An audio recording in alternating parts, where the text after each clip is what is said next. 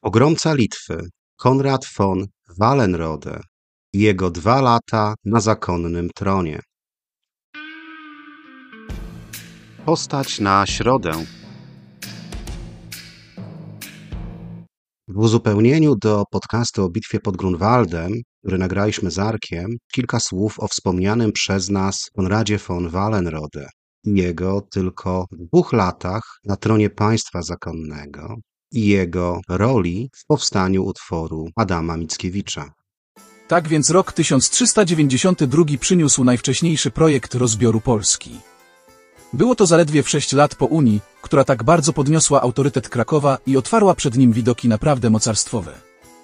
Wolno przypuszczać, że właśnie ten nagły awans zaniepokoił sąsiadów Polski i zaczął ich skłaniać do pomysłów całkiem bezwzględnych. Paweł Jasienica, Polska Jagiellonów.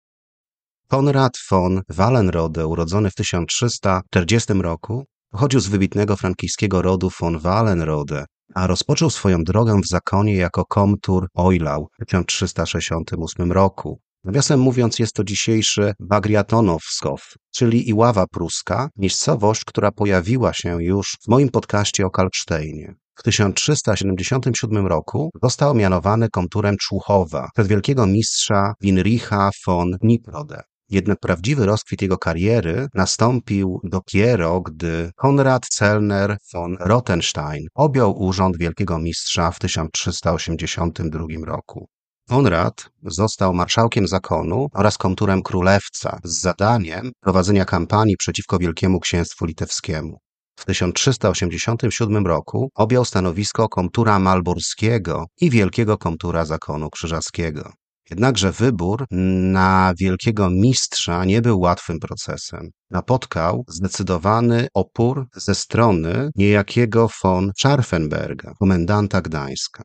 Dopiero w sierpniu 1391 roku Wallenrode został uznany za wielkiego mistrza, uzyskując wsparcie od dwóch kluczowych elektorów wielkiego szpitalnika oraz komtura Elbląga Siegfrieda von Basenheima, także Ridgera von Elnera, komtura Tucholi i byłego wielkiego komtura.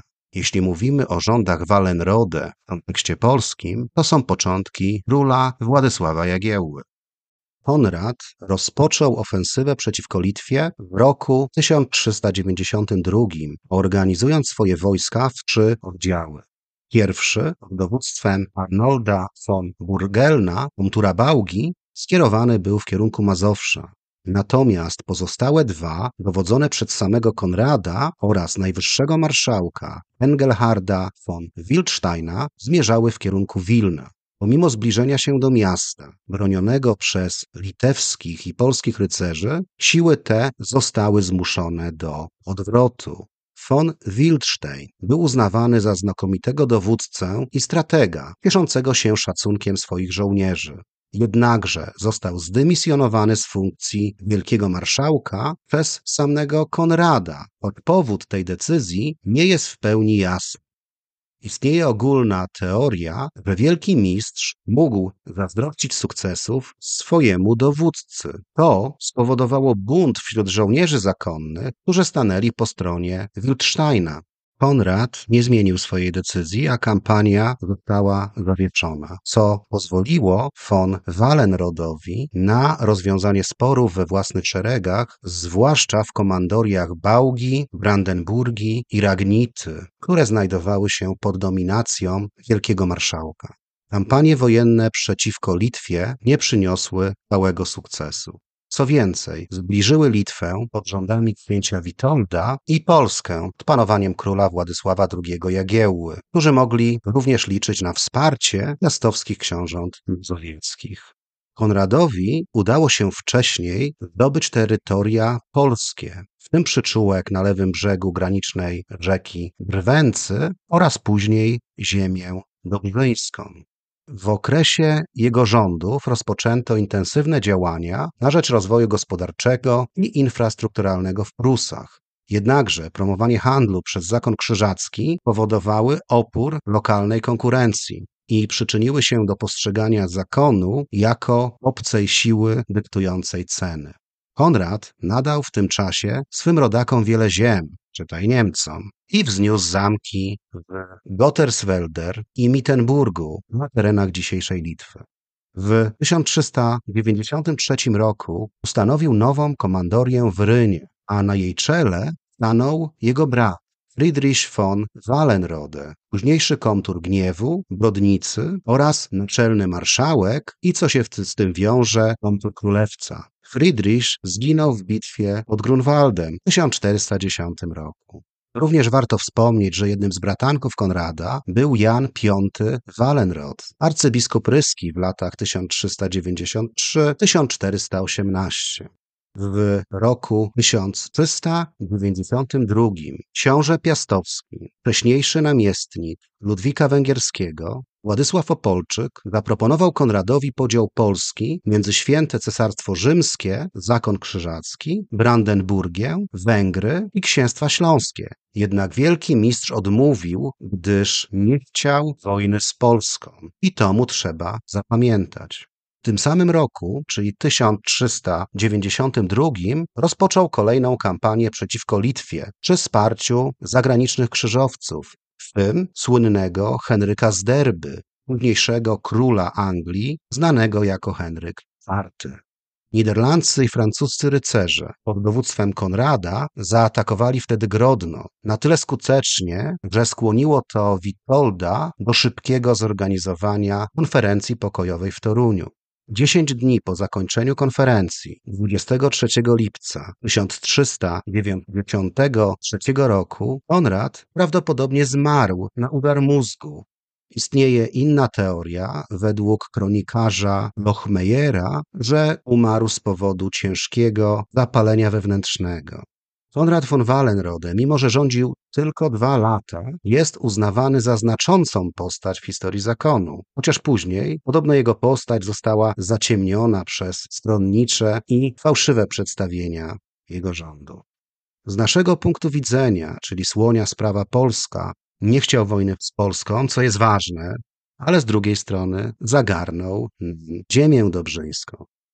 Okres rządów von Fallenrode w czasie kampanii przeciwko Litwie stanowił inspirację dla Adama Mickiewicza, który stworzył słynny poemat.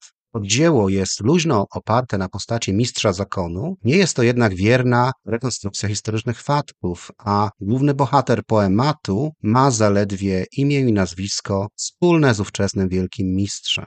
Walenrod Mickiewicza to w rzeczywistości Litwin o imieniu Walter Alf, który dołącza do zakonu krzyżackiego, by pomścić krzywdy swojego narodu badane przez wroga. Stopniowo awansuje, aby ostatecznie zostać wybranym wielkim mistrzem zakonu. To daje mu możliwość nie tylko wprowadzenia nowych, rygorystycznych zasad w państwie, ale także sabotażu kampanii wojennych przeciwko Litwie prowadzonych przez zakon. Dlaczego zatem utwór tak znacznie odbiega od rzeczywistości historycznej?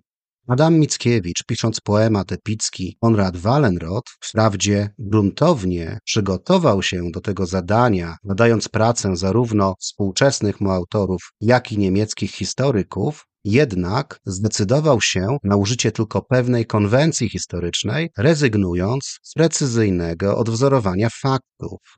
Przenosząc akcję utworu do średniowiecza i tworząc postać Konrada von Wallenrode, Mickiewicz w rzeczywistości poruszał aktualne kwestie społeczne i patriotyczne XIX-wiecznej Rzeczypospolitej. Podobnie jak główny bohater, który musiał się posłużyć intrygą, Polacy i Litwini w okresie zaborów powinni wykorzystywać spiski w celu osiągnięcia swoich patriotycznych celów. Choć tego rodzaju działania mogą budzić moralne kontrowersje, prowadzą one koniec końców do szlachetnych czynów, co określane później będzie jako właśnie walenrodyzm.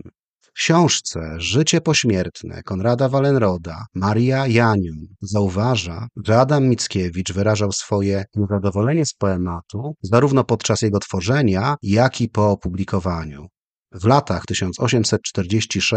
1846-1850 autor wygłaszał serię bardzo krytycznych opinii na temat własnego dzieła, co jasno świadczyło o jego dystansie. Co więcej, Miał w głowie nawet plan spalenia utworu, co dowodziło głębokiego niezadowolenia autora z własnego dzieła.